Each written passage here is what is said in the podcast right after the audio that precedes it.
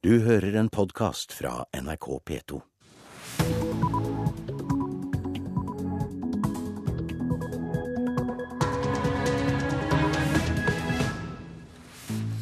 Ja, vel møtt til Nyhetsmorgen 15. mars. Nå klokka 6.30 er nyhetsbildet slik. Et eh, samlet Kirke-Norge krever at de etiopiske familiene får bli. Vi mener at det er både uakseptabelt og det er umenneskelig at du sender barn ut av landet eller tvangsreturnerer til Etiopia. Barn som har bodd lenge i dette landet. Generalsekretær Ørnulf Steen i Norges kristne råd. Oljeprisen nærmer seg nye rekordhøyder. I Norge kan vi tillate oss både å være glade og bekymret over det. Galt å overføre rettssaken mot Anders Behring Breivik på TV, mener halvparten av de spurte i en ny undersøkelse. Kanskje jeg føler at han ikke burde fått noe TV-dekning i det hele tatt. Dette syns jeg er forferdelig vanskelig. Her i studio i dag, Øystein Heggen.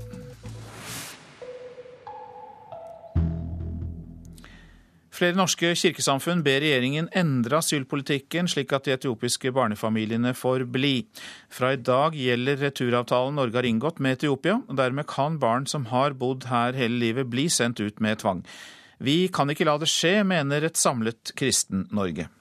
Jeg ber om at regjeringen ikke sender noen barnefamilier ut av landet inntil de har lagt fram meldingen om barn på flukt. Biskop i Møre Ingeborg Midtømme er tidligere medlem i Utlendingsnemnda.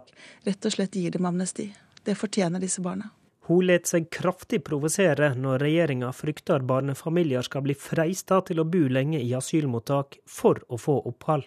Det er vel ingen foreldre som ønsker at deres barn skal vokse opp i et asylmottak.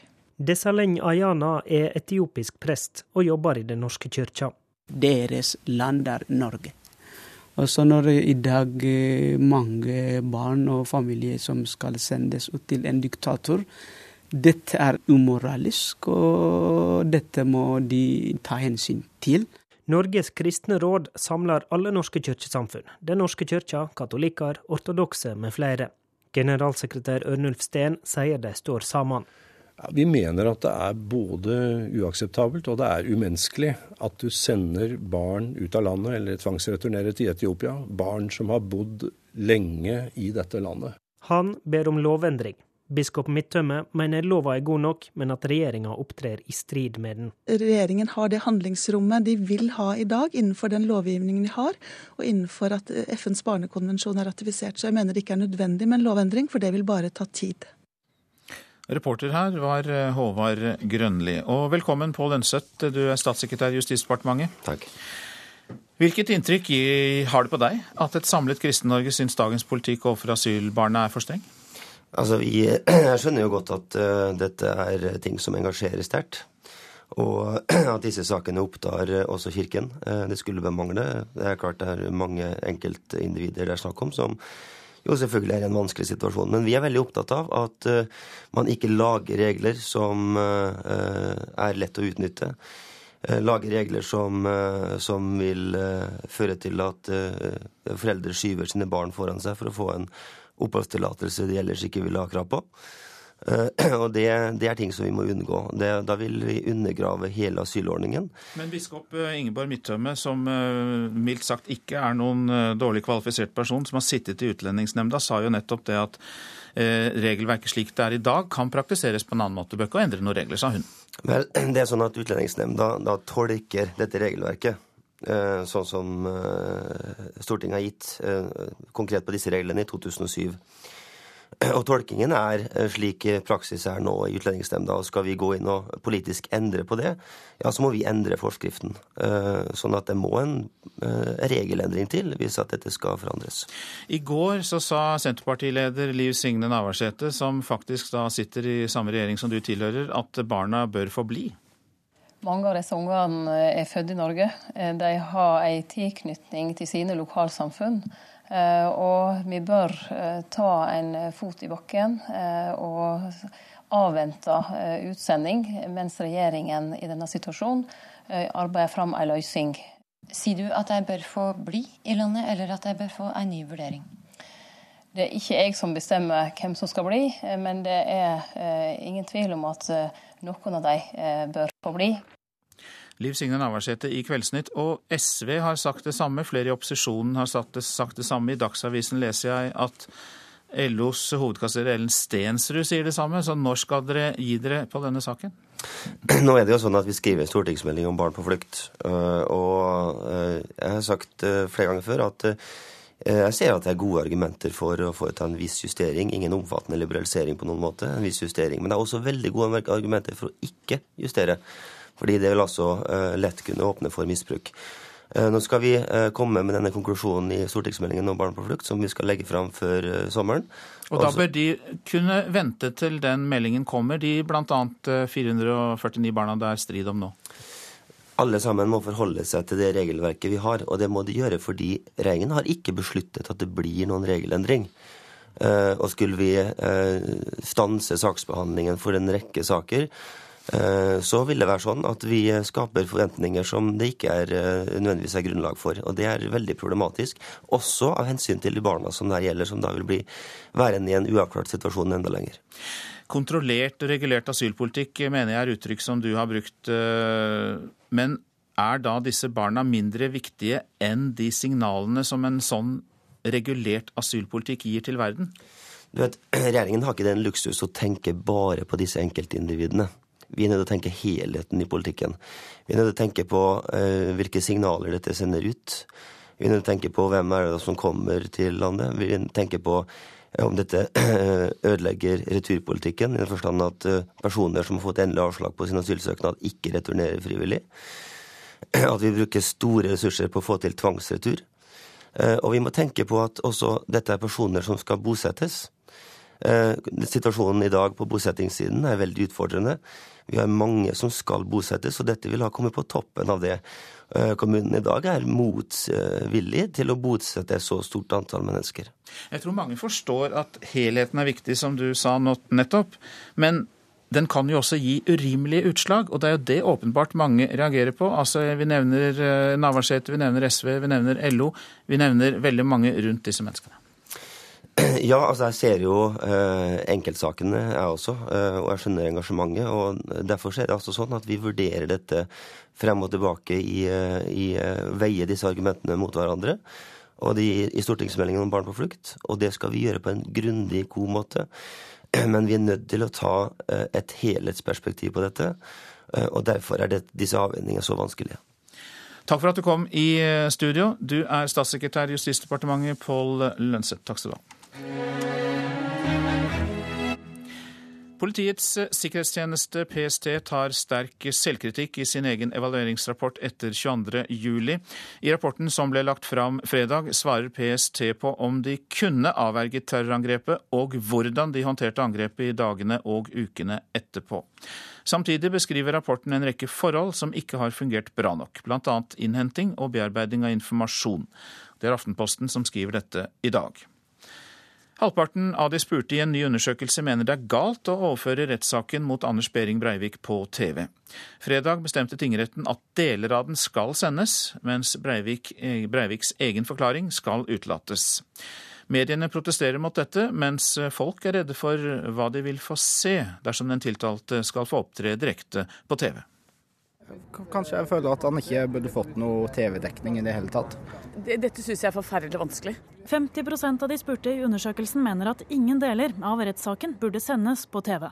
De har ikke fått viljen sin. For tingretten har bestemt at i hvert fall starten og slutten av rettssaken skal overføres. Men det skal ikke Anders Behring Breiviks egen forklaring. Retten har ment at eh, det vil være for en stor belastning for mange pårørende etterlatte, og at det vil virke støtende. Det forteller Erling Moe, som er avdelingsdirektør for Domstoladministrasjonen. De tror at det vil bli mer, et mer ideologisk budskap, mer politisk politisk budskap eh, hvis han snakker for åpen kamera, slik da retten formulerer det. Disse ordene faller ikke i god jord hos pressen. På skrivebordet til generalsekretær i Norsk redaktørforening, Arne Jensen, ligger utkastet klart til en anke, der det gis flere grunner til å kringkaste Behring Breiviks forklaring for retten. For det første så handler det om den mest alvorlige forbrytelsen i Norge etter andre verdenskrig. For det andre så er spørsmålet om Behring Breiviks tilregnelighet et helt sentralt spørsmål i saken. Og, og hvorvidt han skal straffes eller sendes til psykisk helsevern. Og da er hans fremtreden i retten og det å kunne se hvordan han fremstår der, viktig. Nei, Jeg tror jeg hadde sittet der og, med litt avsky og ristet litt på hodet. Ikke skjønt helt hva han tenkte på i gjerningsøyeblikket, eller hva man skal kalle det. På den ene siden så blir man jo kanskje på en måte provosert av å tenke på at et menneske som gjør så mye skade, skal få lov å få så mye oppmerksomhet. Eh, men på den andre siden så må jeg jo tenke jeg jo mange ganger at det, vi har et rettssystem i dette landet som gjør at folk skal behandles likt, og de har rett til å uttale seg når man gjør noe. Hun er en av den tredjedelen av oss som ifølge undersøkelsen fra Norstat og NRK har tvilt seg frem til at det er greit med en begrenset TV-overføring. Halvparten av de spurte vil altså ikke ha noen overføring i det hele tatt, mens 15% mener rettssaken burde bli sendt i sin helhet. Folk under 30 er de mest positive til å sende alt på TV, mens eh, meningene ellers er påfallende likt fordelt over aldersgrenser og landsdeler. Og Det sa reporter Pernille Amdal. Politiet i Sveits jobber ut ifra flere teorier om hva som skjedde med bussen der 22 barn mistet livet. Ifølge en av teoriene kan sjåføren ha mistet kontrollen over bussen og kjørt inn i en betongvegg. Det jobbes også med en teori om at sjåføren fikk et ildbefinnende i forkant av ulykken. Det skriver Berlinske Tidende. Politiet mener at bussen hadde en hastighet på over 100 km i timen. Så skal vi se på avisenes forsider. Klarer ikke å styre boligrenten, er Aftenpostens oppslag om sentralbanksjef Øystein Olsens overraskende rentekutt i går. Siden desember har Norges Bank kuttet styringsrenten med 0,75 prosentenheter, men boligrenten har ikke rikket seg fordi pengemarkedsrenten er så høy. Bravo Olsen, skriver redaktør Trygve Hegnar i Finansavisen. Norges Bank gjorde hva sentralbanken burde gjøre, å senke renten fordi konjunkturbildet er dystert og prisveksten usedvanlig lav. Så mye sparer du på rentefesten, er VGs oppslag, mens Dagbladet skriver om supergrepene for din egen økonomi. Advokattoppene får 6,8 millioner kroner i snitt. Advokatene er pengemaskiner, skriver Dagens Næringsliv. Med normalarbeidsuke får landets fremste forretningsadvokater utbetalt mer enn 5000 kroner per time, har avisen regnet ut. Presset av sine egne, skriver Dagsavisen til bildet av statsministeren på første side. Grasrota i Arbeiderpartiet og LO, som vi også har hørt her i Nyhetsmorgen, ber Jens Stoltenberg besinne seg og beskytte asylbarna og stoppe tvangsreturen. Feilaktig uttenkt som hallik er Adresseavisens oppslag om den tidligere SV-politikeren Torleif Haugdal fra Trondheim. Haugdal krever å bli renvasket av en blogger i Oslo som har hengt ham ut på nettet for hallikvirksomhet som en annen person er dømt for. Miljøverstinger får norske klimakroner, leser vi i Bergens Tidende. Norske selskaper sponser miljøskadelig industri i u-land med store beløp gjennom kjøp av klimakvoter. Her er byrådets hemmelige kuttliste, skriver Nordlys. Tromsø mister 48 millioner kroner i inntekter fra det kriserammede Troms Kraft. Det går utover pleie, omsorg og utdanning kunne ha halvert fattigdommen blant barn, leser vi i Vårt Land. Kutt i barnetrygden har ført til flere fattige barn i Norge, viser forskningsrapport fra Høgskolen i Oslo og Akershus. Kampen mot EØS-avtalen er i gang, slår Nasjonen fast på sin forside. Nei til EU mener at EØS-avtalen er oppskrytt og ikke avgjørende for norsk økonomi. SOS Rasisme kjemper for millionene, skriver Klassekampen. Organisasjonen skylder myndighetene 17 millioner kroner etter avsløringer av medlemsjuks. Men nå tar hovedkasserer Kjell Gunnar Larsen pant i eiendommene som privatperson, i et forsøk på å sikre SOS Rasisme ved en eventuell konkurs.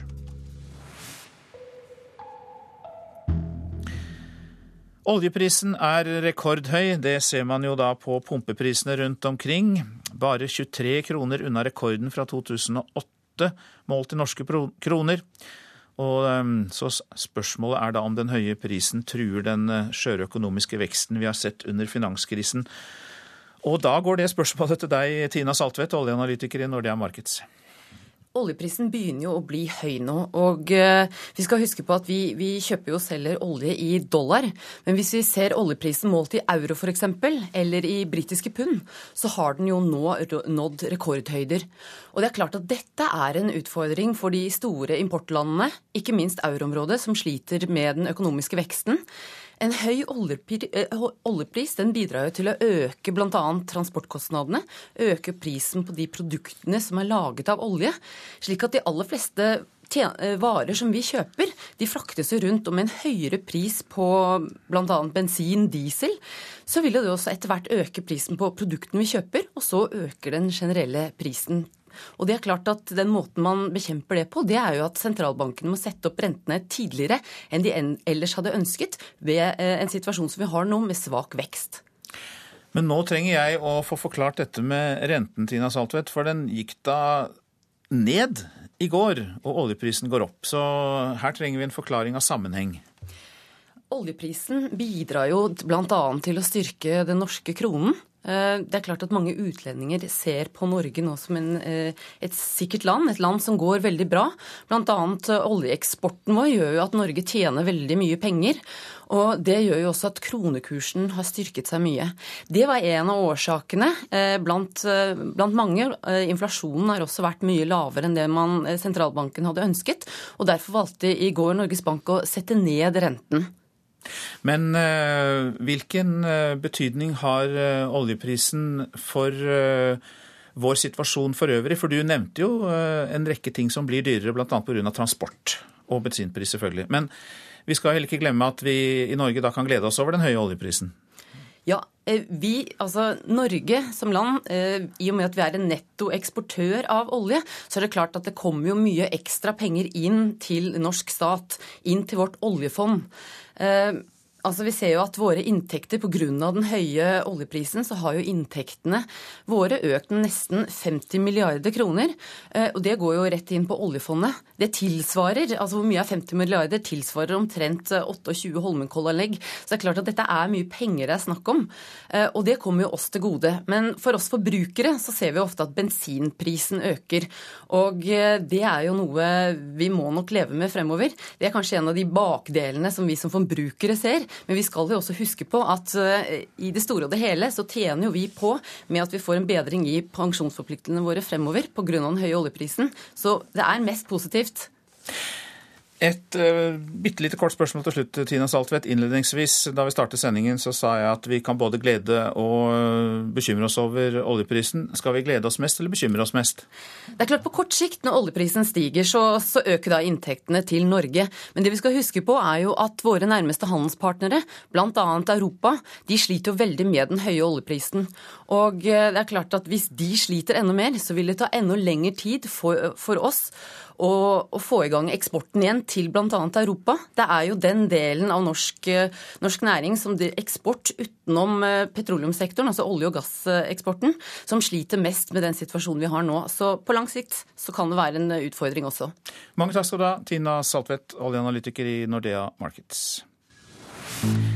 Du lytter til Nyhetsmorgen, og eh, nå eh, vi, har vi disse hovedoverskriftene. Et eh, samlet Kirke-Norge krever at de etiopiske barnefamiliene får bli. Statssekretær Pål Lønseth i Justisdepartementet sa her i Nyhetsmorgen at det må en regelendring til om barna skal få bli.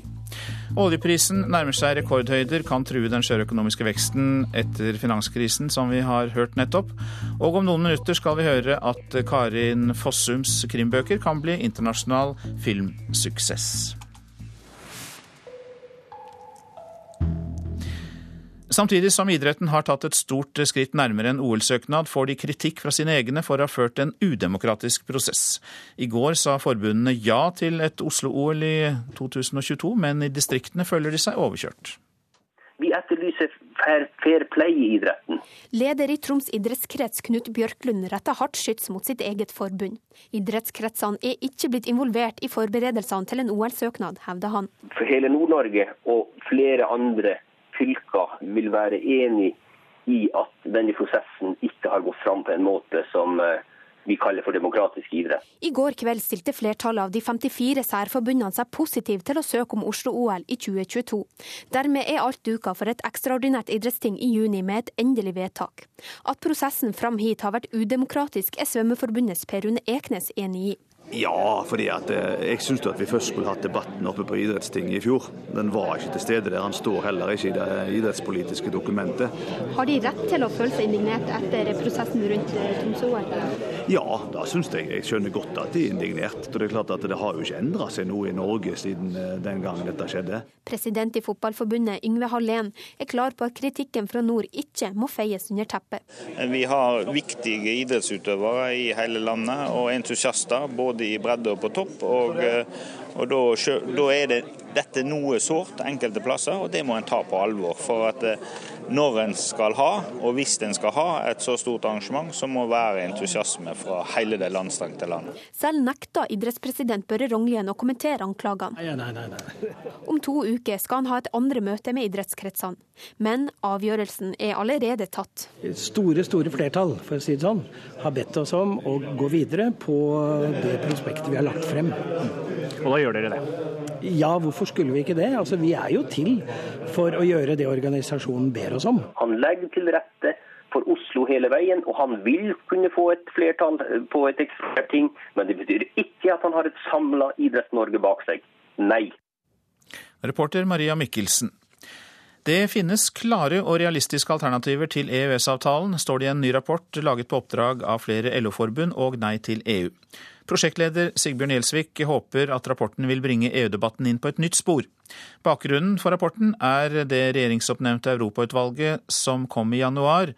Det utredet nemlig ikke alternativer til EØS-avtalen. Det er en glede på vegne av Europautredningen, alle de tolv medlemmene av sekretariatet, både glede og en stor fysisk lettelse.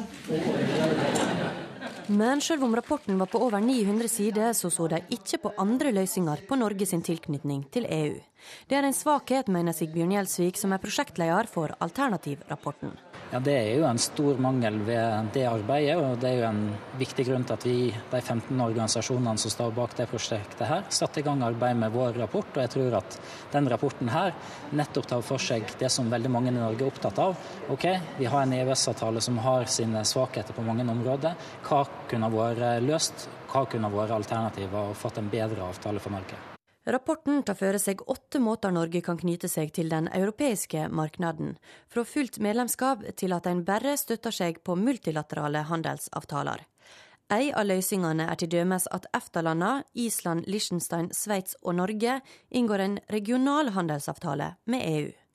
Sjøl har Gjelsvik fortid som leder i Nei til EU, men han vil ikke si hva av de åtte alternativene han mener er best. Men det som eh, vi synliggjør i rapporten, er jo at vi har svært dagsaktuelle alternativ som beskriver hvordan Norge kunne ha håndtert den situasjonen som vi er oppe i internasjonalt, bygde videre på eh, samarbeid som vi har i andre sammenhenger, og lage en ny, oppdatert og mye bedre demokratisk avtale med EU enn det som vi har med dagens EØS-avtale. I forkant av offentliggjøringa av Europarapporten sa utenriksminister Jonas Gahr Støre til NTB at utvalget ikke skulle se på alternativ til EØS, fordi regjeringa ikke skulle sende signal om at Norge utreder andre former for tilknytning til EU.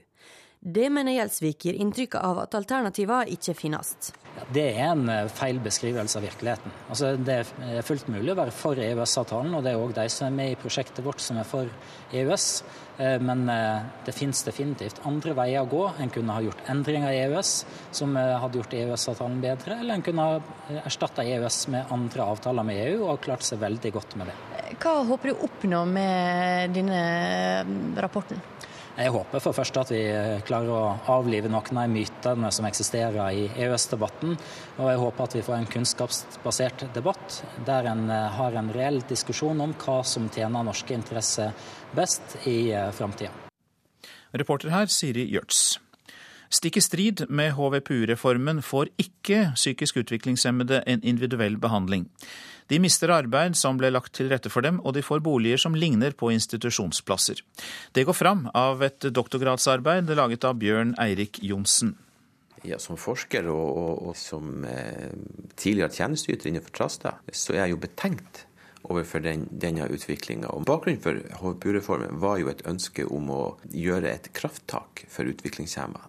Og det å få dem integrert i eh, lokalsamfunnet, og det at de skulle få tilgang på alminnelige velferdsgoder, som for folk flest. Og det var en veldig ideologisk driv bakom denne reformen. Og man kan jo kanskje stille seg spørsmålstegn i dag hvorvidt om samme ideologiske drivet er til stede som da, eller om rett og slett utviklingshemma i samfunnet må stå bakerst i køa. Nylig tok Johnsen doktorgrad etter å ha fulgt seks tidligere beboere på sentralinstitusjonen Trastad gård i Kvæfjord. Avhandlinga har fått tittelen etter et utsagn fra en av beboerne der, som beskrev institusjonslivet. Ellers var maten god, men det var jævlig strengt.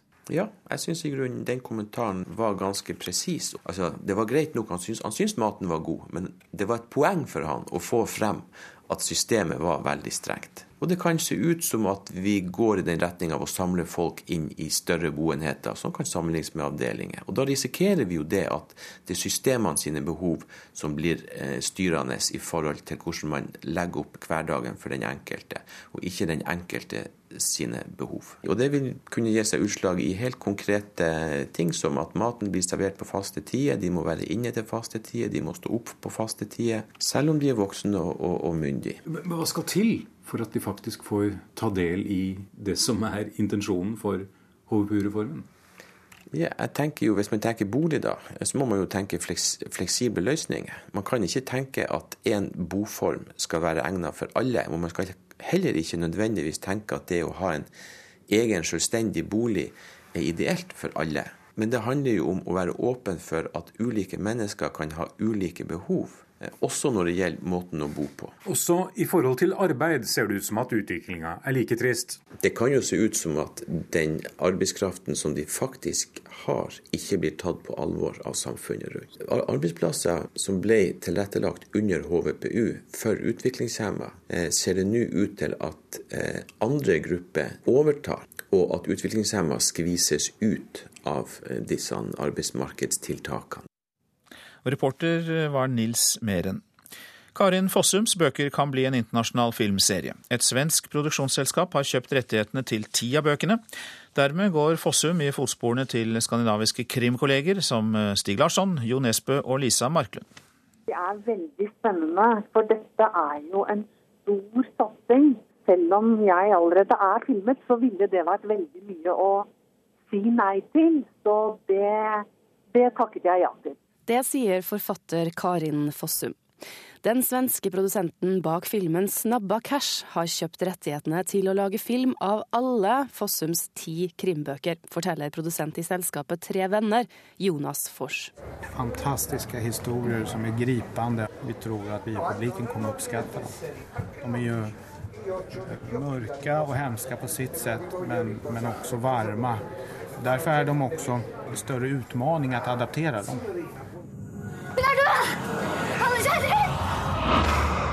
Den som frykter ulven fra 2004 er en av flere av Karin Fossums bøker som er filmatisert tidligere. Men interessen for bøkene er så stor internasjonalt at aktører i flere europeiske land er med og finansierer det nye prosjektet, sier Fors. Men hvilke bøker som skal filmatiseres først, er ikke klart. Selskapet skal i første omgang lage to langfilmer for kino, som kommer til å koste over 100 millioner norske kroner. Og store amerikanske og europeiske filmprodusenter har tatt kontakt for å være med og lage engelske versjoner av bøkene. Det er de absolutt største. Eh, man kan si at det finnes ikke ett enda bolag i USA som ikke ringer norske, svenske, danske produksjonsbolag som har rättigheter inom den denne genreområden og til og med kommer og besøker oss. Jeg har vært i denne industrien i 20 år, og for fem-seks år siden så fikk man knappt møte med dem. Det, det, det er ett veldig sug etter denne typen av produksjoner. Reporter Eirin Venås Sivertsen. Nå til værvarselet. Fjellet i Sør-Norge, lokal tåke i vest. i østlige områder perioder med sol. Østlandet lokal morgentåke, ellers til dels pent vær, men noe mer skyet nord i Hedmark og Oppland. Telemark for det meste pent vær, men lokal tåke på morgenen. Agder i vest skyet, i øst til dels pent vær. Rogaland og Hordaland litt yr eller regn av og til, hovedsakelig nord for eh, Stavanger. Fra i ettermiddag stiv kuling i nord. Sogn og Fjordane sørlig kuling, i formiddag liten storm ved Stad. Litt yr eller regn av og til, og lokal tåke. Møre og Romsdal sørvest opp i sterk kuling. Fra i ettermiddag liten storm lengst i sør, litt yr eller regn. Trøndelag sørvest opp i sterk kuling, i ettermiddag forbigående. Noe minkende, regn av og til, mest på kysten. Nordland øking til sørvestlig sterk kuling først i sør. I områdene rundt Vestfjorden etter hvert lokalt liten storm og regn. Troms øking til sørlig stiv kuling utsatte steder. Fra i ettermiddag sørvestlig periodevis liten storm, sludd og snø. Finnmark øking til sørlig kuling utsatte steder, først i vest. Etter hvert liten storm fra Porsanger til Varanger. Litt sludd og snø. Regn på kysten i vest og lokal snøfokk. Nordensjøland på Spitsbergen østlig liten kuling. I ettermiddag blir det stiv kuling. Og de må regne med snø og snøfokk på Spitsbergen.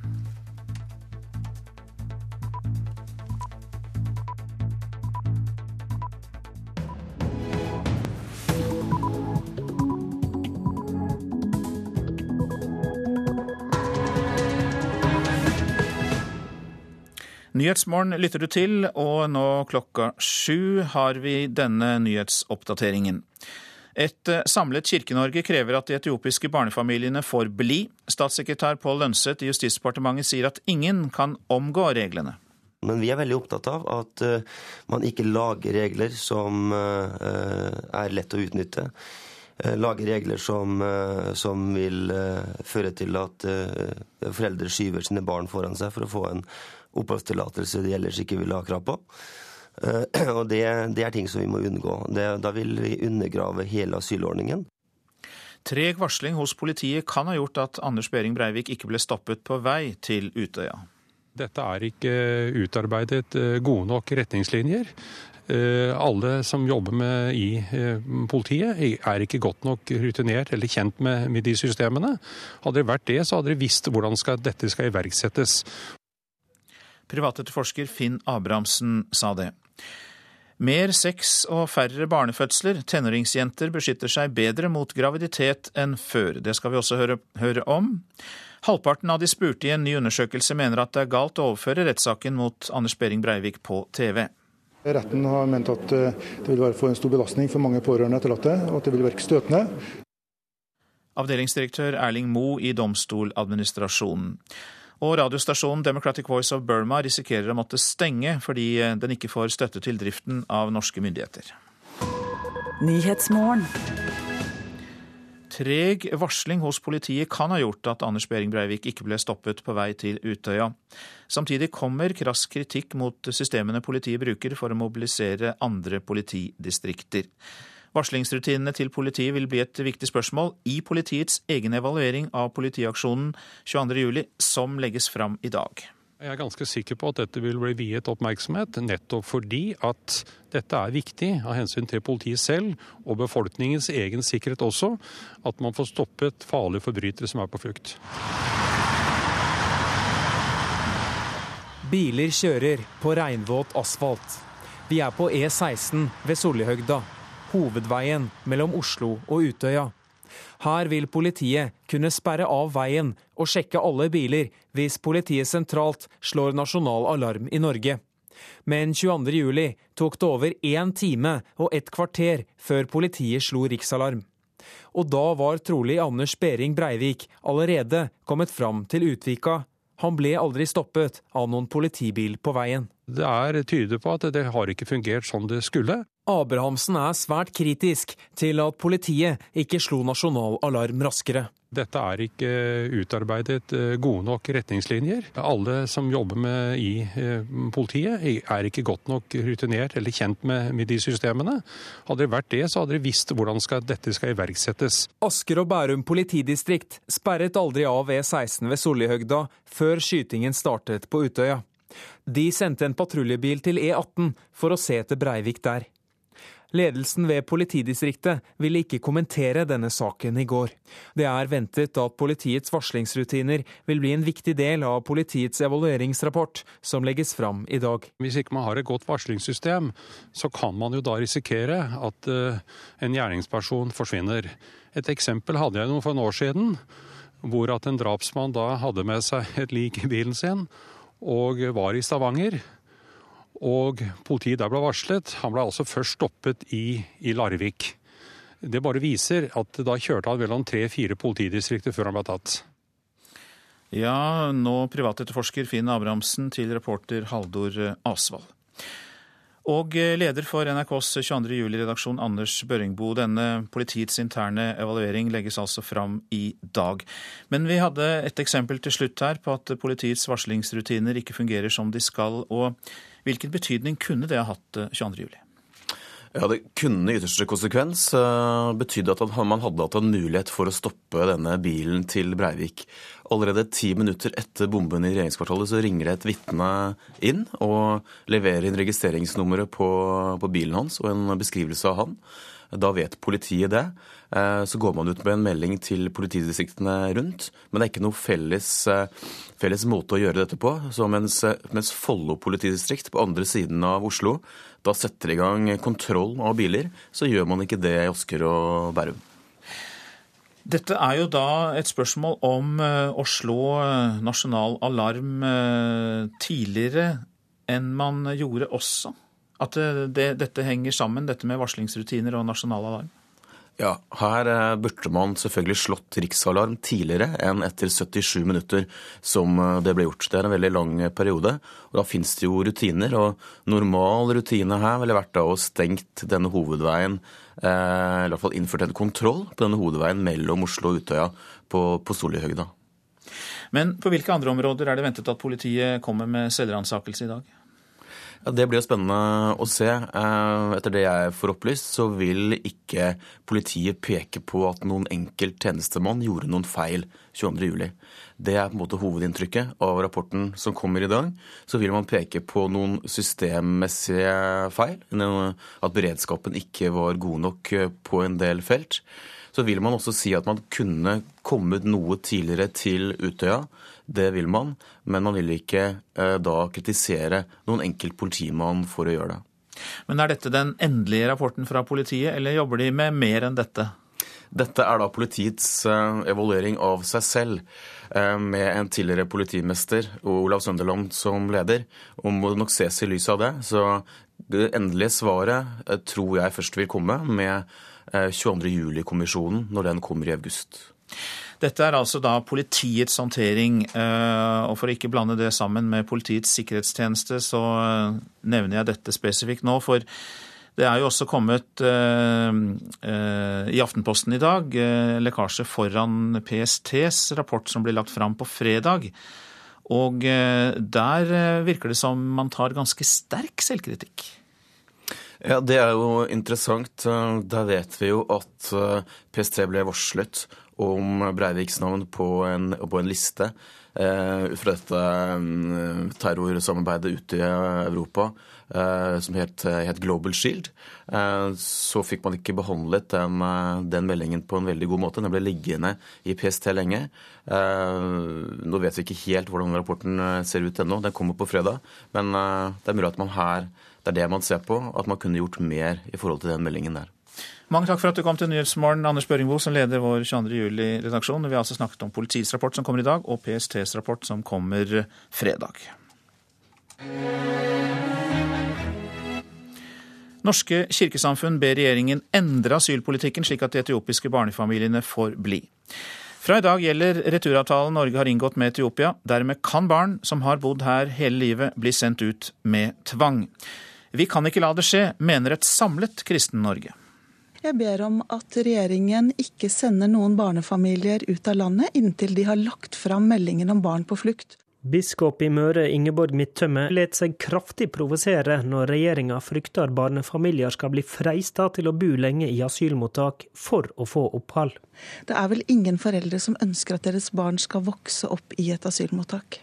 Norges kristne råd samler alle norske kirkesamfunn. Den norske kirka, katolikker, ortodokse med flere. Generalsekretær Ørnulf Steen sier de står sammen. Det er både uakseptabelt og det er umenneskelig at du sender barn ut av landet eller tvangsreturnerer til Etiopia. Barn som har bodd lenge i dette landet. Han ber om lovendring. Biskop Midtømme mener lova er god nok, men at regjeringa opptrer i strid med den regjeringen har det handlingsrommet de vil ha i dag innenfor den lovgivningen de har. Men statssekretær Pål Lønseth i Justisdepartementet er uenig, og sier det må regelendring til dersom asylbarnas situasjon skal bli endra. Og det har ikke regjeringa varsla, understreker han. Regjeringen har ikke den luksus å tenke bare på disse enkeltindividene. Vi er nødt til å tenke helheten i politikken. Reporter her var Håvard Grønli. Dagens tenåringsjenter har mer sex, men bedre kontroll enn sine mødres generasjon. Det mener norske professorer som har undersøkt dette. Siden 70-tallet har antall tenåringsfødsler falt med 80% og abortene er halvert. Samtidig har debutalderen sunket ned mot underkant av 17 år for jenter. Eh, jeg var 16. Var det vanlig i din eh, vennekrets? Jeg tror det var sånn cirka vanlig sånn når du starter på videregående. Eh, jeg var 18. 16 Nei, jo 16 var jeg. Jeg vet ikke fylt seg. Den gjennomsnittlige seksuelle debutalderen for jenter sank på 90-tallet med ca. ett år til i underkant av 17 år. Men selv om unge jenter ser ut til å ha mer sex i dag enn tidligere, har dette ikke medført flere ungdomsgraviditeter, tvert imot. Antallet tenåringsmødre er det laveste siden andre verdenskrig. Professor i sosiologi Willy Pedersen mener at tenåringsjenter i dag har bedre seksuell kontroll enn tidligere generasjoner. Ja, jeg tror ofte de har mer sex med bedre kontroll. Så her er det noe vi kan eh, være glad for at eh, vi har sett eh, ganske viktige og gode endringer på dette feltet her, syns jeg. For mens tenåringer mellom 15 og 19 år i 1972 fødte over 6300 barn, var tallet falt til 1300 i 2010, en reduksjon på nesten 80% I tillegg er aborttallene i den samme gruppen nesten halvert fra over 250 per 10 000 jenter i 1977 til 140 i 2010.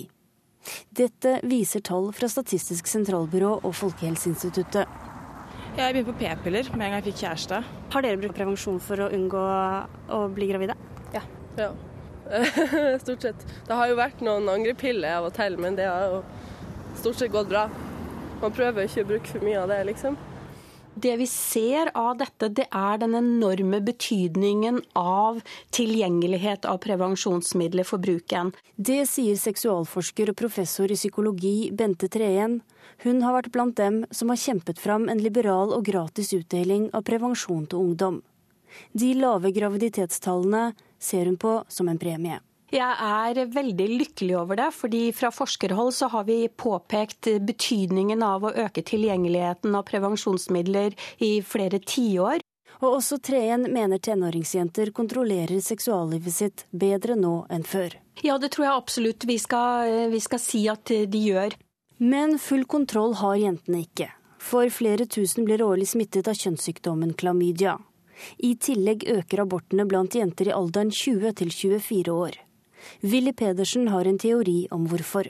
Ganske mange bor her sammen med menn. De har et forhold som kan se ut til å være ganske godt. Og de er ikke på den samme måten helt sikre på at de ikke ønsker å bli gravide. Sånn at eh, når da man allikevel blir gravid, så viser det seg allikevel at uh, kanskje ikke dette forholdet uh, dannet en god ramme rundt det å bli foreldre. Uh, og den usikkerheten den finner du ikke i tenårene i noen særlig grad i det hele tatt. Og det var Tonje Grimstad som hadde laget denne saken. Tore Holte Follestad, velkommen. Takk for det. Du er jo assisterende daglig leder i Sex og samfunn. Det er et senter i Oslo som bl.a. jobber med å forebygge ikke planlagte graviditeter og og abort. Og dette er vel tall som gleder deg? Absolutt. Eh, det gleder meg veldig, og det viser jo at det forebyggende arbeidet som ble gjort over tid, som Bente Tren refererer til, eh, virkelig kan sies å virke. Og hva er hovedårsakene til at eh, det faktisk er slik at Eh, det blir færre eh, graviditeter og færre aborter?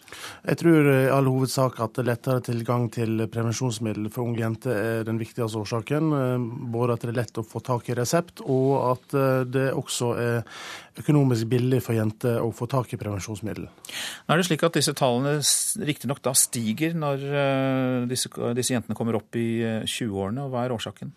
Jeg er jo litt enig med det Willy Pedersen sier, men eh, det som vi også ser på våre brukere, de som er mellom 20 og 24 år, de har flytta hjemmefra. De har flytta til Oslo for å studere.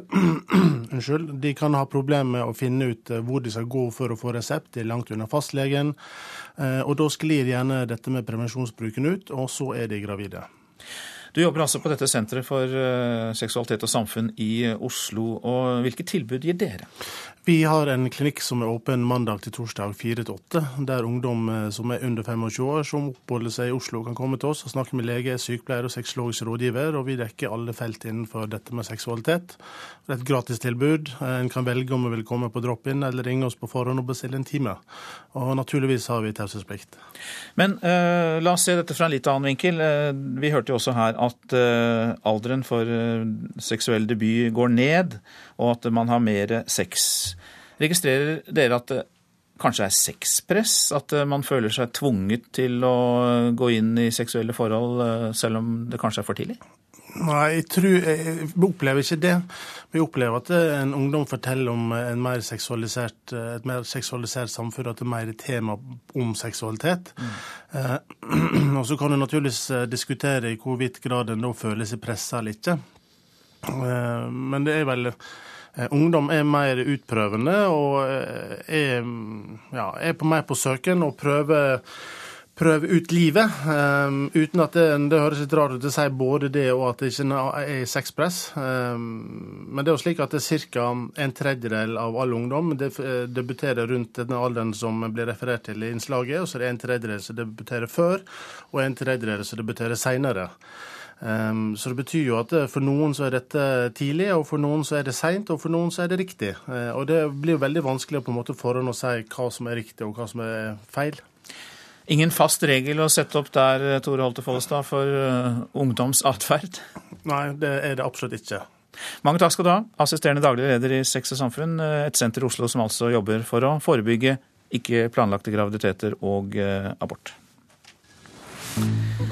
Da har klokka er i ferd med å nærme seg 7.16 her i Nyhetsmorgen. Vi har disse hovedsakene.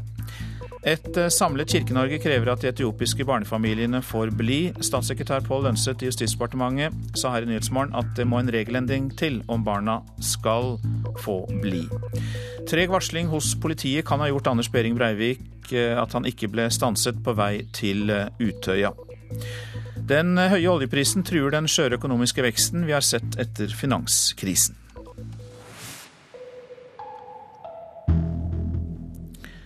Radiostasjonen Democratic Voice of Burma risikerer å måtte stenge fordi den ikke får støtte til driften av norske myndigheter. Utenriksdepartementet krever å få tilbakebetalt flere hundre tusen kroner etter at to ansatte i radiostasjonen har underslått millionbeløp. Det kan bety at det går mot slutten for den uavhengige kanalen, frykter styreleder Harald Bøckmann. I verste fall så kan det dreie seg om eh, uker. Med fare for eget liv har de filmet overgrep fra et av verdens verste militærregimer. Det var de som ga verden bildene av de fredelige protestene for demokrati, ledet av buddhistmunker i 2007. De sendte også ut hemmelige opptak av juntaen som slo ned på opprøret. Arbeidsgiver var TV- og radiostasjonen Democratic Voice of Burma i Oslo. Det ingen visste, var at store deler av lønnen som journalistene skulle få, har gått til noe helt annet. Blant annet har vi funnet et hus i Bangkok som er blitt kjøpt uten at vi visste om det. Huset er trolig bare én av flere eiendommer og biler som har blitt betalt av midler gitt av donorer, som det norske utenriksdepartementet. Ifølge granskingen PricewaterhouseCoopers har gjort, har to personer underslått penger. De hadde tilgang til mediestasjonens konto i Thailand. Penger herfra skulle gå til journalistene, teknisk utstyr og husleie i Myanmar, også kalt Burma. Vi eh, følger prinsippet om nulltoleranse når det gjelder økonomiske misligheter. Sier kommunikasjonsrådgiver Kjetil Elsebutangen i UD. De vil ikke gi mer støtte før midlene er blitt betalt tilbake. Det ville gitt et helt feil inntrykk.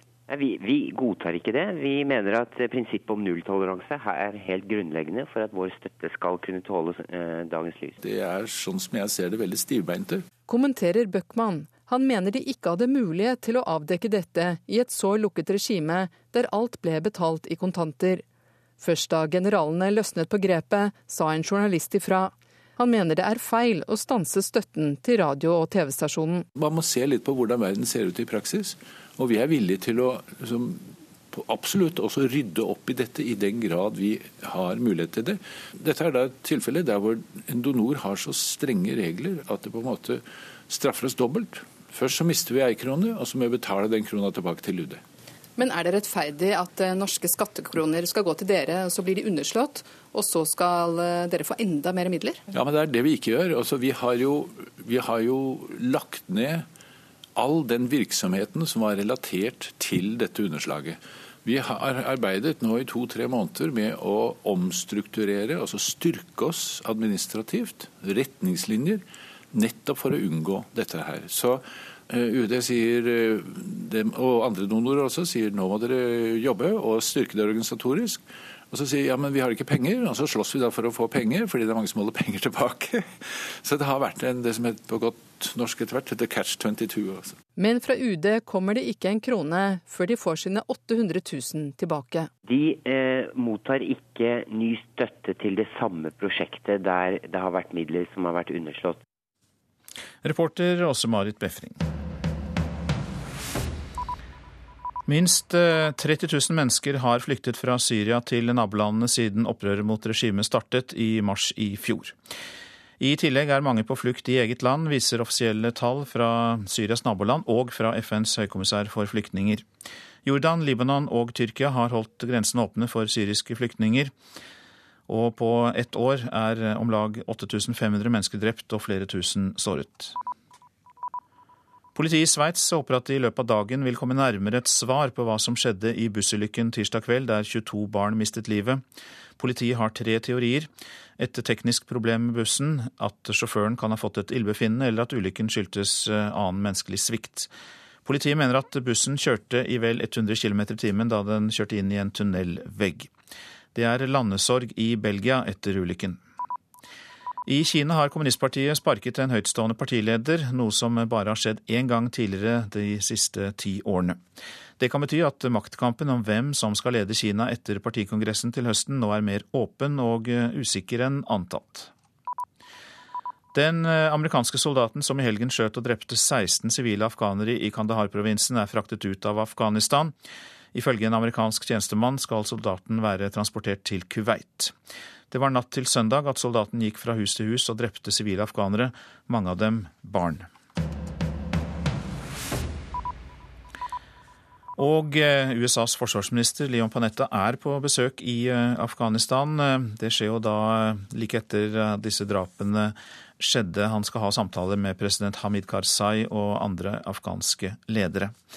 Og eh, utenrikskommentator Gro Holm, han ble faktisk møtt av en brennende bil da han landet på eh, flyplassen. Hva mer vet vi om det? Ja, Han kom til flyplassen i Kabul fra sør i landet. der Han kom, han kom først til sør og så til Kabul. Og I Kabul var det altså en afghansk sjåfør som kjørte en bil i en dike. Den veltet, det tok fyr. Mannen døde i dag tidlig. Eh, det er uklart hvorvidt eh, han som kjørte visste at Panetta var i ferd med å lande. Og Panetta kom altså uskadet fra det. Dramatikk uansett da USAs uh, forsvarsminister var der. Men hva er den viktigste årsaken, eller de viktigste årsakene til at han besøker Afghanistan nå? Det viktigste er nok at det er veldig viktig for USA å få på plass en avtale om strategisk samarbeid med Afghanistan før Natos toppmøte 20. mai i Chicago. Uh, og det er en del snublesteiner. Uh, krever afghanerne at det skal ha kontroll med det sentrale og viktigste fengselet for Taliban-fanger i Bagram. Eh, og eh, krever også en, eh, et forpliktende ja til å slutte med amerikanskledede nattangrep på landsbyer. Så det er altså snublesteiner for å få til en strategisk avtale. Nå går ryktene på at de skal være nærere enn de har vært på lenge, men likevel, den er ikke i boks. Eh, og så er det klart at For Panetta var det viktig å komme og uttrykke personlig sin kondolanse etter at en amerikansk soldat drepte 16 mennesker eh, i den sørlige Kandahar-provinsen. Det er stor frykt eh, for omfattende demonstrasjoner og protester både pga. koranbrenningen og pga. dette massedrapet. Disse langsiktige og viktige planene du nevner der, eh, de eh, er vel da kanskje et ledd i hele USAs tilbaketrekkingsplan fra Afghanistan?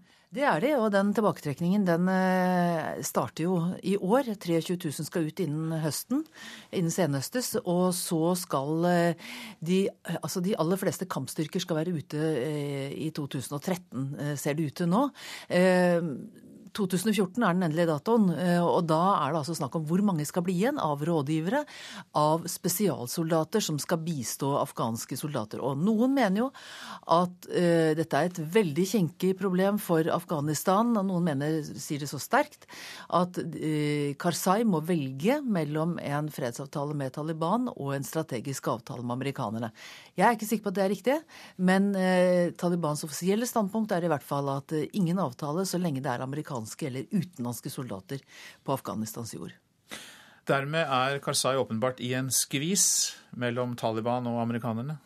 Det kan man godt si. og er, Vi snakker om amerikanerne. Det er klart at amerikanerne utgjør de fleste, men det gjelder jo også de andre Nato-landene som er med. og Der er jo, har jo Norge sagt at vi blir der så lenge eh, Nato er der. Mange takk for at du kom til Nyhetsmorgen, utenrikskommentator i NRK Gro Holm. Så et blikk på avisene.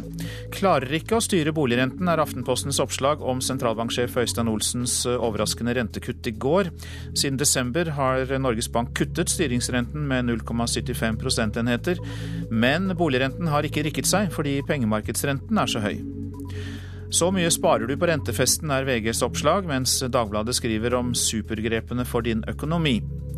Advokattoppene får 6,8 millioner i snitt. Advokatene er pengemaskiner, skriver Dagens Næringsliv. Med en normalarbeidsuke får landets fremste forretningsadvokater utbetalt mer enn 5000 kroner per time, har avisen regnet ut. Presses av sine egne, skriver Dagsavisen til bildet av statsministeren på forsiden. Grasrota i Arbeiderpartiet og også LO ber Jens Stoltenberg besinne seg og beskytte asylbarna og stoppe tvangsreturen. Miljøverstinger får norske klimakroner, leser vi i Bergens Tidende. Norske selskaper sponser miljøskadelig industri i u-land med store beløp gjennom kjøp av klimakvoter. Her er byrådets hemmelige kuttliste, skriver Nordlys. Tromsø mister 48 millioner kroner i inntekter fra det kriserammede Troms Kraft. Det går utover pleie, omsorg og utdanning kunne halvert fattigdommen blant barn, leser vi i Vårt Land. Kutt i barnetrygden har ført til flere fattige barn i Norge, viser forskningsrapport.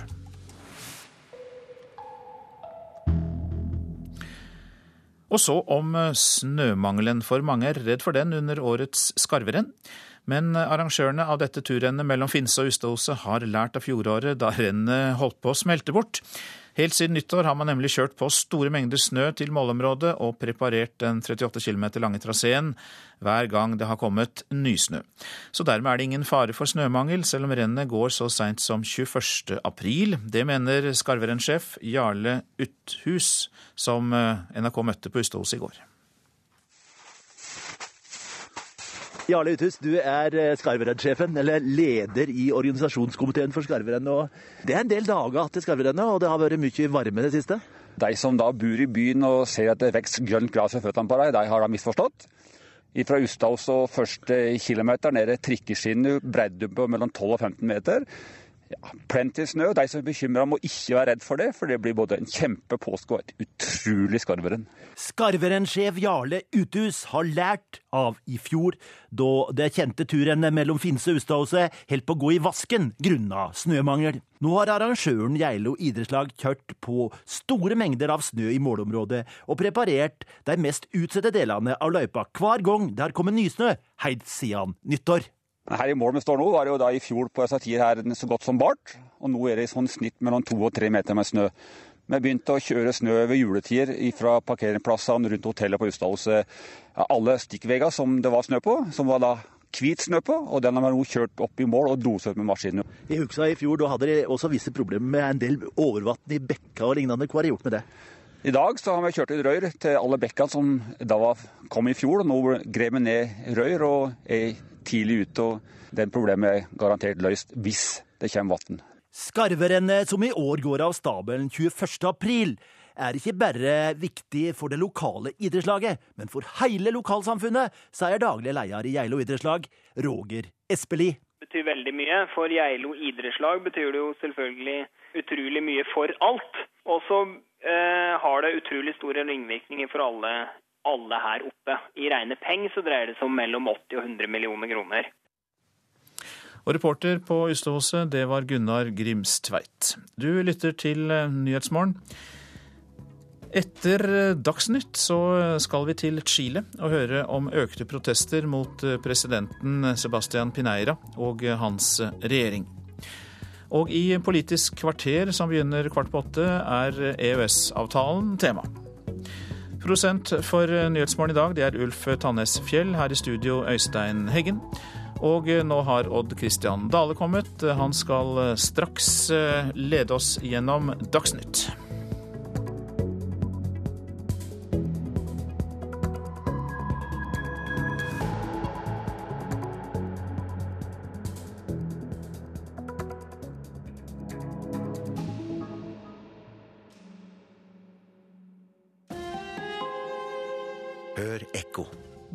I all verden skal vi utdanne norske ungdommer til snekkere og murere?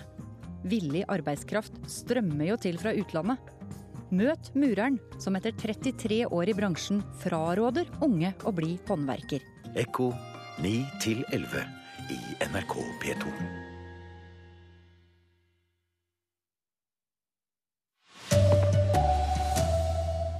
Et samla Kirke-Norge krever at de etiopiske barnefamiliene får bli.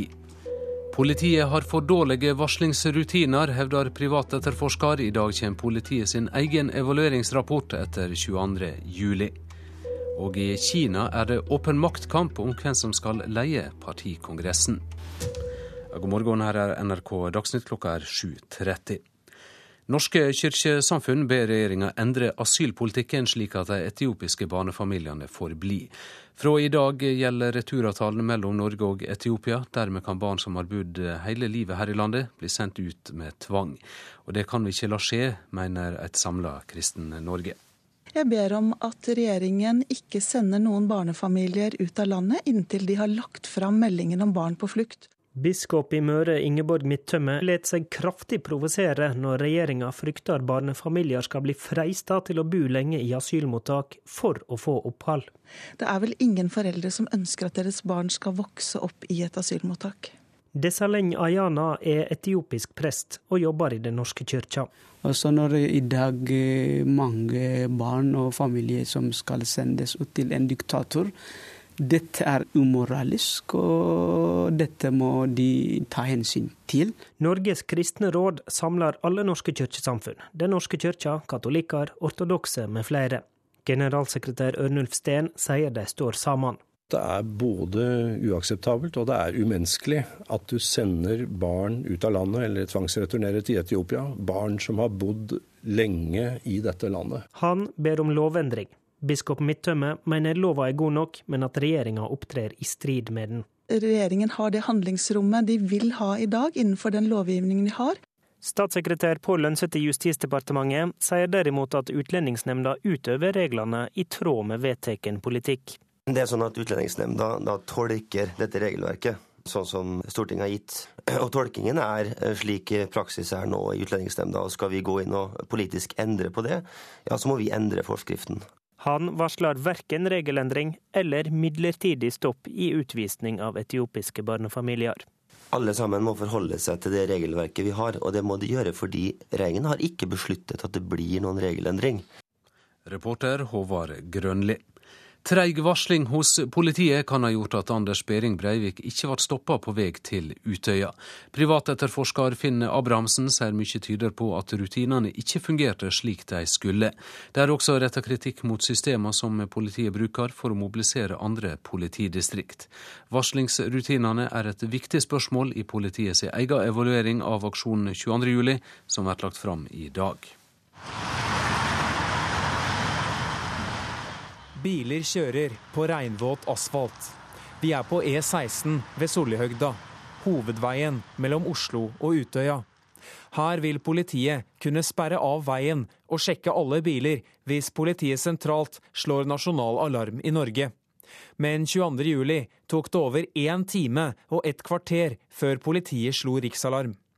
Og da var trolig Anders Behring Breivik allerede kommet fram til Utvika han ble aldri stoppet av noen politibil på veien. Det er tyder på at det har ikke fungert som det skulle. Sier privatetterforsker Finn Abrahamsen, som har lang erfaring som politioverbetjent i Oslo. Han er svært kritisk til at politiet ikke slo nasjonal alarm raskere. Dette er ikke utarbeidet eh, gode nok retningslinjer. Alle som jobber med i eh, politiet er ikke godt nok rutinert eller kjent med, med de systemene. Hadde det vært det, så hadde de visst hvordan skal, dette skal iverksettes. Asker og Bærum politidistrikt sperret aldri av E16 ved Sollihøgda før skytingen startet på Utøya. De sendte en patruljebil til E18 for å se etter Breivik der. Ledelsen ved politidistriktet ville ikke kommentere denne saken i går. Det er ventet at politiets varslingsrutiner vil bli en viktig del av politiets evalueringsrapport, som legges fram i dag. Reporter Haldor Asvald. Dagens tenåringsjenter har mer sex, men bedre kontroll enn mødregenerasjonen. Det mener norske professorer. For trass tidligere sexdebut blir jentene sjeldnere gravide. Siden 70-tallet har tallet på tenåringsfødsler fallet med 80% og tallet på aborter er halvert. Jeg begynte på p-piller med en gang jeg fikk kjæreste. Det har jo vært noen angrepiller av og til, men det har jo stort sett gått bra. Ja, for det går stort sett bra med de fleste seksuelt aktive tenåringsjenter i Norge. Det viser tall fra Statistisk sentralbyrå. For mens tenåringer i 1972 fødte over 6300 barn, var tallet falt til 1300 i 2010, en reduksjon på nesten 80% og det laveste siden andre verdenskrig. Professor i sosiologi Willy Pedersen mener at tenåringsjenter i dag har bedre seksuell kontroll enn tidligere generasjoner. Ja, jeg tror ofte de har mer sex med bedre kontroll. Så her er det noe vi kan eh, være glad for at eh, vi har sett eh, ganske viktige og gode endringer på dette feltet her, syns jeg. Også seksualforsker og professor i psykologi Bente Treen mener jenter kontrollerer seksuallivet sitt bedre nå enn før. Ja, det tror jeg absolutt vi skal, eh, vi skal, si at de gjør. Eh, dette er nok en generasjon som eh, i større grad både vet hvordan de skal bruke prevensjonsmidler, og hvordan man får fatt i det. Aborttallene blant tenåringer er nesten halvert siden 1977. Men jenter har mer sex. For fram til 2000-tallet sank debutalderen til i underkant av 17 år. Jeg var 16. Jeg var 18. 16. Nei, jo 16 var jeg. Jeg var ikke fylt 17. Reporter var Tonje Grimstad. Politiet i Sveits håper på at de i løpet av dagen vil komme nærere et svar på hva som skjedde i bussulykka tirsdag kveld, der 22 barn mista livet. Politiet har tre teorier. Et teknisk problem med bussen, at sjåføren kan ha fått et illebefinnende, eller at ulykka skyldes menneskelig svikt. Politiet mener at bussen kjører i vel 100 km i timen da den kjører inn i en tunnelvegg, og det er landesorg i Belgia etter ulykka. I Kina har kommunistpartiet sparka en høytstående partileder, noe som bare har skjedd én gang tidligere de siste ti åra. Dette kan bety at maktkampen om hvem som skal leie Kina etter partikongressen til høsten, nå er mer åpen og usikker enn den en tidligere har trodd. Det finnes klare, realistiske alternativ til EØS-avtalen. Det blir slått fast i en ny rapport som er laget på oppdrag av flere LO-forbund og Nei til EU. Sigbjørn Gjelsvik, som har vært prosjektleder for arbeidet, håper de vil bringe EU-debatten inn på et nytt spor. Det viktigste som vi har funnet, er jo at det finnes eh, realistiske alternativ til EØS, og det finnes flere realistiske alternativ til EØS, alt etter hva slags politiske preferanser som en har. Bakgrunnen for utgreiinga er det regjeringsoppnevnte Europautvalget som kom i januar. Både glede og en stor fysisk lettelse. Men selv om rapporten var på over 900 sider, så så de ikke på andre løsninger på Norge sin tilknytning til EU. Det er en svakhet, mener Sigbjørn Gjelsvik, som er prosjektleder for Alternativrapporten. Ja, Det er jo en stor mangel ved det arbeidet, og det er jo en viktig grunn til at vi, de 15 organisasjonene som står bak det prosjektet her, satte i gang arbeid med vår rapport. Og jeg tror at den rapporten her nettopp tar for seg det som veldig mange i Norge er opptatt av. Ok, vi har en EØS-avtale som har sine svakheter på mange områder. Hva kunne vært løst? Hva kunne vært alternativet og fått en bedre avtale for Norge? Reporter Siri Gjørts, og det blir mer om dette i Politisk kvarter på NRK P2 rett etter Dagsnytt. En svensk mann i 20-åra sovna på toget Hauketo, fra Hauketo til Oslo i natt. Da han våkna på skistasjonen, forlangte han at toget skulle snu og kjøre han tilbake til Hauketo. Han fikk ikke innfridd ønsket sitt om at toget skulle snu, og da nekta mannen å forlate toget, opplyser politiet. Samtidig som idretten har tatt et stort steg nærere en OL-søknad, får de kritikk fra sine egne for å ha ført en udemokratisk prosess. I går sa forbundene ja til et Oslo-OL i 2022, men distriktene føler seg overkjørt. Vi etterlyser fair, fair play i idretten. Leder i Troms idrettskrets Knut Bjørklund retter hardt skyts mot sitt eget forbund. Idrettskretsene er ikke blitt involvert i forberedelsene til en OL-søknad, hevder han. For hele Nord-Norge og flere andre fylker vil være enig i at denne prosessen ikke har gått fram på en måte som eh, vi kaller for demokratisk idrett. I går kveld stilte flertallet av de 54 særforbundene seg positive til å søke om Oslo-OL i 2022. Dermed er alt duka for et ekstraordinært idrettsting i juni med et endelig vedtak. At prosessen fram hit har vært udemokratisk, er Svømmeforbundets Per Rune Eknes enig i. Ja, fordi at eh, jeg syns at vi først skulle hatt debatten oppe på idrettstinget i fjor. Den var ikke til stede der. Han står heller ikke i det idrettspolitiske dokumentet. President i Fotballforbundet Yngve Hallén er klar på at kritikken fra nord ikke må feies under teppet. Når en skal ha, og hvis en skal ha, et så stort arrangement, så må være entusiasme fra hele det landstrengte landet. Reporter Maria Mikkelsen. Ansvarlig for sendinga Eirik Ramberg, teknisk ansvarlig Hans Ole Hummelvold og i studio Odd Christian Dale.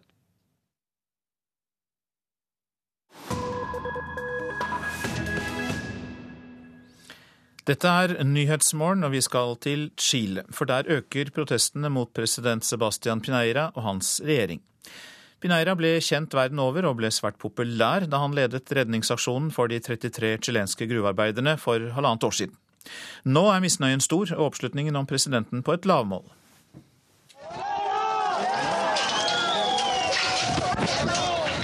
Det er scener som har rystet Chile de siste ukene. En avsidesliggende provins langt sør i landet er blitt forvandlet til en slagmark der opprørspoliti med vannkanoner settes inn mot rasende demonstranter. Stedet er Puerto Aysén, en by med 100 000 mennesker, som har fått liten glede av det som er blitt kalt Chiles økonomiske under. Puerto Aysén har ingen veiforbindelse med omverdenen, og den kostbare transporten gjør at det folk trenger for å leve, er rådyrt. Rundt 40% dyrere enn ellers i landet. Nå krever de subsidier fra staten, men hittil er det fint lite som er lagt på bordet, sier Ivan Fuentes fra den sosiale bevegelsen i Puerto Aysén. Por lo tanto, nosotros necesitamos que definitivamente respuestas concretas. Vi trenger konkrete svar, og derfor må vi kjempe videre for våre krav om billigere mat, billigere energi, et bedre helsetilbud og de andre kravene vi har lagt frem. Vi er lei av å høre på fagre løfter fra myndighetene i Santiago, og vi vil fortsette våre aksjoner helt til noe skjer, sier han.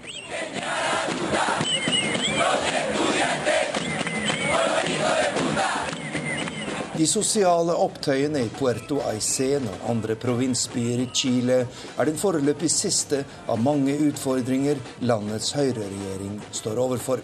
I fjor ble hovedstaden Santiago rystet av omfattende og langvarige demonstrasjoner fra studenter som krevde billigere og bedre utdanning.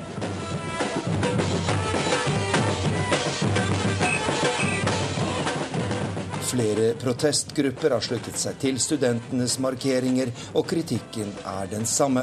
At president Sebastian Piñera står for en usosial og brutal markedsliberalisme som fører til at de rike blir rikere og de fattige fattigere.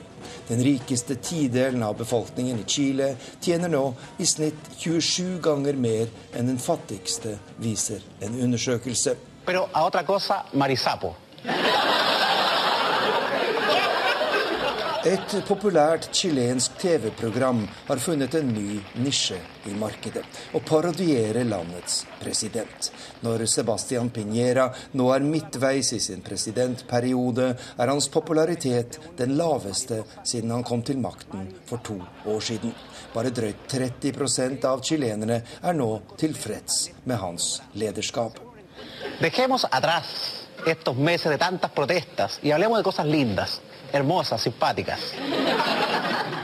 La oss legge til side det som har skjedd de siste månedene, med alle disse protestene. La oss heller snakke om noe hyggelig, vakkert og sympatisk, sier TV-underholderen i Sebastian Piñeras skikkelse.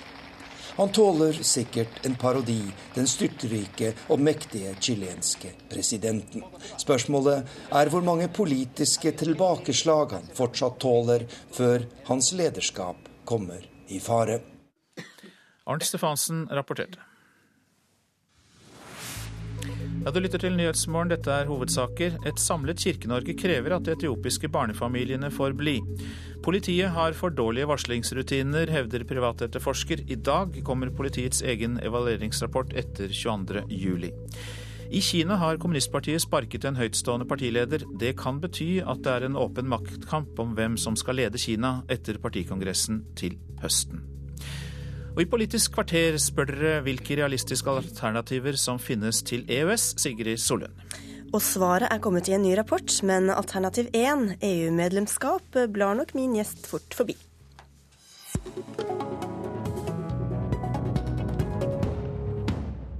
Eller hva, Senterpartileder Liv Signe Navarsete? Ja, det tror jeg eh, vi kan bla forbi. Eh, og heldigvis så har vi fått på bordet mange andre gode alternativ til, EU-medlemskap og òg til EØS-avtalen, slik han framstår i dag. Alternativrapporten heter den. Den er utarbeidet på bakgrunn av et initiativ fra Fagforbundet, LHIT-forbundet og Nei til EU, og den slår altså fast at det finnes flere realistiske alternativer til EØS-avtalen.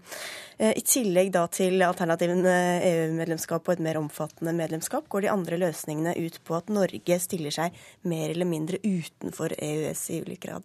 Hvor realistisk er det?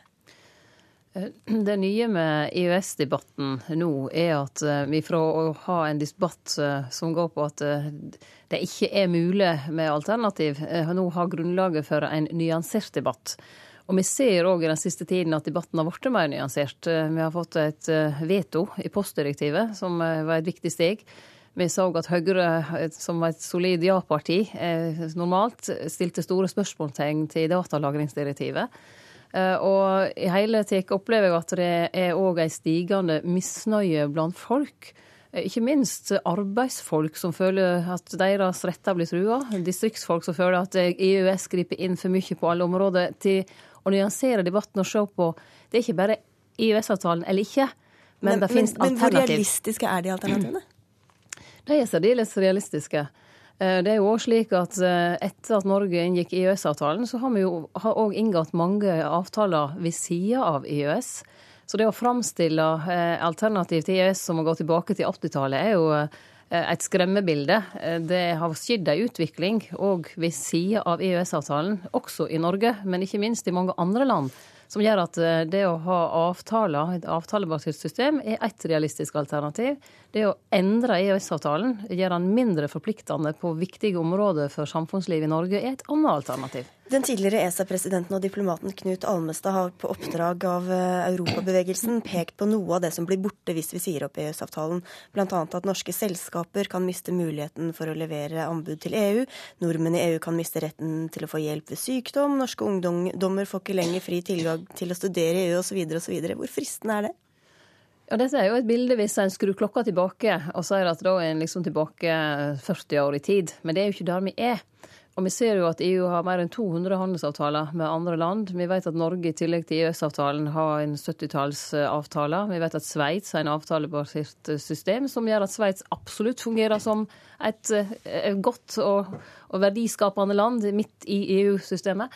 Så, så, dette er skremmebildet, og det har Yasia vært veldig god på hele veien. Men så viser historien at alle deres skremmebilder har slått feil. Så det jeg håpa vi nå kunne få, det var en debatt uten skremmebilde, men med basis i realistiske alternativ og et mål om å diskutere hva tjener norske interesser best. Men hva er sannsynligheten for at EU skal la Norge få velge og vrake mellom avtaler og lover, samtidig som de skal gi oss tilgang til det attraktive markedet?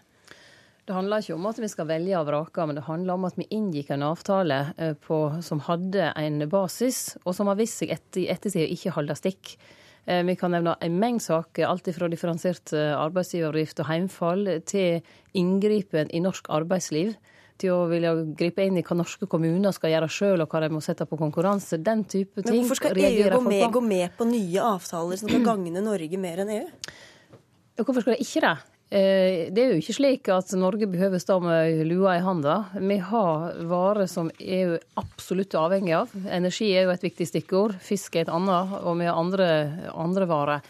Det er ikke en ensidig eh, avtale til gunst for Norge. Det er definitivt en avtale som òg EU har nytte av. Derfor vil selvsagt EU gjerne forsterke den og helst sikkert ha oss inn i et medlemskap, men norske interesser tilsier, og ikke minst norsk folkemening tilsier, at vi nå får en nyansert debatt og ser på hva som er det realistiske alternativet. Og Da er lagt på bordet en veldig bra rapport som gir oss et godt grunnlag til ja, en nøktern debatt om det. Det er ikke mange partier i Norge som er, for, eh, for, som er mot norsk EØS-medlemskap. Er denne rapporten mer egnet som valgkampmateriell for Senterpartiet enn som grunnlag for noe politisk flertall? Jeg tror ikke de som står bak denne rapporten, som er helt bredde i den norske partifloraen, har laga denne for at Senterpartiet skal få valgkampskyts. Denne er laga for å få en nyansert debatt, hva som tjener norske interesser best. Og den debatten fortjener Norge at vi tar. Senterpartiet sitter i en regjering som styrer på grunnlag av EØS-medlemskap, samtidig som dere argumenterer mot det. Dere sitter også i en regjering som sender ut barn som har sittet i asylmottak i årevis, noe SV og nå du også har kritisert offentlig. Samtidig sier Arbeiderpartiet at de skal sendes hjem som planlagt senest nå i Nyhetsmorgen. Hvem snakker på vegne av regjeringen? Regjeringen sin asylpolitikk står jeg og Senterpartiet bak. Og Det var jeg veldig tydelig òg i går kveld, det var dessverre klippet vekk. Eh, men det gjør jeg. Eh, men i denne situasjonen, for nå har vi en situasjon som ingen av regjeringspartiene har ønska skulle oppstå. Eh, der det er uskuldige unger som får svi. Og da mener jeg vi må ta en fot i bakken i den situasjonen. Jeg har ikke tatt til orde for at vi skal endre asylpolitikken. Men vi skal rydde opp nå, slik at de ungene ikke får svi. Men hvem snakker på vegne av regjeringen, og hvordan skal folk forholde seg til en regjering som fører en politikk, og tre ulike partier som fører tre ulike politikker? Hvis vi ikke som parti kan i det offentlige rom òg være med å føre en debatt på vegne av partiet sine verdier, selv om vi sitter i regjering, så bør vi jo diskutere om vi skal være der. Altså, jeg vil. Kan det virke litt forvirrende for folk, da? Nei, jeg tror ikke det. Media vil fremstiller det forvirrende. Men folk ser at vi står samla om politikken, den langsiktige asylpolitikken. En streng, men rettferdig asylpolitikk. Det er Senterpartiet Men her står dere ikke samlet om disse barna, da? Nei, for nå har det oppstått effekter som ingen av oss ønsker. Ei heller Arbeiderpartiet. Og da mener jeg alle tre partier må sette seg sammen og bare bli enige om hvordan vi gjør, finner en løsning for disse ungene. Og så må vi i tillegg sikre at vi ikke om tre år er i samme situasjon.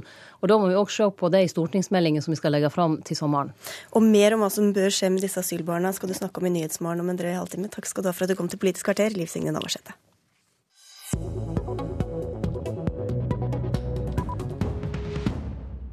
Det blir verken likestilling i hjem eller arbeidsliv før flere menn tar mer makt privat, og flere kvinner lar dem gjøre det. Det er et av poengene i en ny bok som du har skrevet, Julie Bråttkorp, kvinnepolitisk talsperson i Høyre. Hvorfor er likestillingen i samfunnet avhengig av hvordan familiene organiserer hverdagen?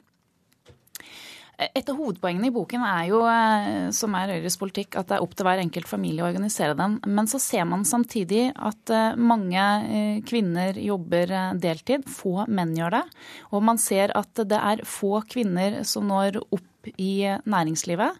Eh, og da er det naturlig å spørre seg er det naturlig, eller er det fremdeles noen samfunnsstrukturer som ligger der. Og Når man da går inn i statistikken og ser, så ser man fremdeles at kvinner sitter med den største delen av eh, arbeidet i hjemmet. Og da er det kanskje ikke så unaturlig at man ikke får gjort like mye karriere ute. Og da kommer jeg med en liten oppfordring til kvinner i boken. At eh, kanskje er det nå på tide at vi også går i oss selv og ser hvordan vi har erobret makten hjemme, og ikke kanskje har vært villige til å gi den fra oss når vi har gått ut i jobb. Så dette er et ansvar kvinner eh, tar fordi de ønsker det, eller handler det om at eh, hvis ikke de eh, kjøper inn parkdresser og handler inn til middag, så blir det ikke gjort? Jeg tror det handler om at vi fremdeles henger igjen i noen gamle kjønnsrollemønster som er der. Når man ser på barn, så er det ofte sånn at uh, jenter fremdeles trenes inn i morsrollen fra de er veldig veldig små, mens fedre ikke begynner uh, å se på farsrollen før de har fått barn. Anniken Huitfeldt, leder av Arbeiderpartiets kvinnenettverk. Dette er vel ikke en virkelighetsbeskrivelse som er forbeholdt Høyre-kvinner? Nei, jeg tror det er veldig mye riktig det Julie Pottkop sier. Men jeg tror nok at de aller fleste vil gi fra seg makta over støvsuging og husvask og en del. Så det er nok um eh, noen nyanser her som vi er uenig i. fordi at jeg mener at det Julie Brodtkorp gjør, er å sette fokus på familien. Det er bra. Men det er jo noen strukturer og det er politikk som har gjort Norge til mest, eh, verdens mest likestilte land. Det er jo det at vi har fødselspermisjon, at vi har fått barnehage, at vi har fått pappakvote, at vi har brukt kvotering, som har ført til en holdningsendring i samfunnet, og som har gitt kvinner mye flere muligheter enn det som har vært i eh, alle andre land i verden. Slik at det er politikk som også har endra mentaliteten. Det er vi jo helt eh, enige om. Men det jeg går inn for i boken, er at vi må ha en gjennomgang av de systemene og gjøre de kjønnsnøytrale. For vi har et system eh, der barnetrygd automatisk går til mor.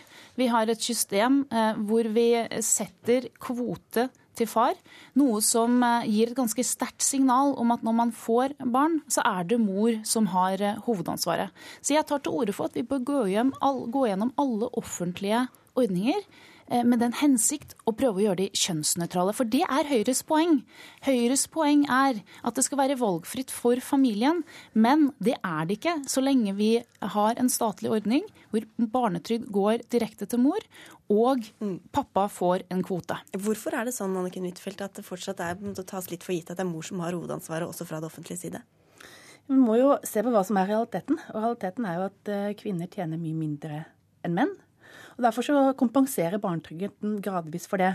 Og det andre er jo at de land som ikke har pappakvote, så er det mye færre menn som tar ut permisjon. Og Det er ikke fordi at menn ikke vil ta ansvar, men fordi de opplever i større grad enn kvinner å bli diskriminert hos sin arbeidsgiver dersom de velger å være lenge sammen med barna. Så de fjerna pappakvoten i Danmark.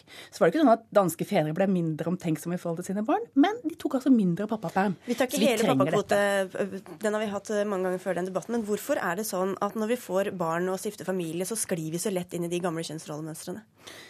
For da har vi kanskje foreldrene våre som forbilde. Og ingen kvinner ønsker å eh, gå på akkord med det man står inne for når det gjelder morsrollen. Og vi tar veldig mye ansvar. Det er bra, men jeg tror nok det er noe i det Brodtkorp sier, at vi også kan gi fra oss makta på enkeltområder. Hvis du drar på et gjennomsnittlig politisk møte på en fredag ikke så lenge før påske, så ser du veldig mange kvinner som står og skriver sånne påskelister om hva som skal med, og hva som ikke skal med. Men du finner ikke den konstante dårlige samvittigheten eh, hos menn på samme måte. Men eh, den dårlige samvittigheten er, samvittigheten er nok økende også blant menn. Ja, det er ikke noe meningen å påføre menn den samvittigheten, kanskje, Bråttkorp, men hva skal til at menn skal ta det overordnede ansvaret, da? Men når du sitter sånn og skriver en bok, da, så har det vært litt sånn morsomt. For uh, da ble jeg sittende eksempelvis på en kafé en dag, og så så jeg et par som kom. Og så tenkte jeg dette er det perfekte paret. De hadde to barn, de trillet hver sin barnevogn. Far trillet den minste babyen. Så setter de seg ned, de tar en kaffe. Og så ser jeg at far går inn for å gå på toalettet. Og da fyker mor opp, og så går hun bak i nakken på den minste for å kjenne om den er for varm. Og da begynte jeg å tenke hva er det som gjør at vi kvinner tenker at vi har et sånn ekstra gen som gjør at vi vet om dynen skal av, om den skal på, om solatten skal være av eller om den skal være på. Eh, og her har det jo noe med at man da, eh, en del av oss i hvert fall tror jeg, har godt av å bli påminnet om at hvis vi virkelig ønsker å ha like vilkår ute, så må vi også gi fra oss en del ansvar hjemme. Men det skal bare skje ved hjelp av liv og lyst og glede, og ikke noe styring? Nei, jeg tror noe av det jeg prøver å bidra med i, i boken, er nettopp det jeg har fått til her å skape en debatt, sånn at flere reflekterer over det.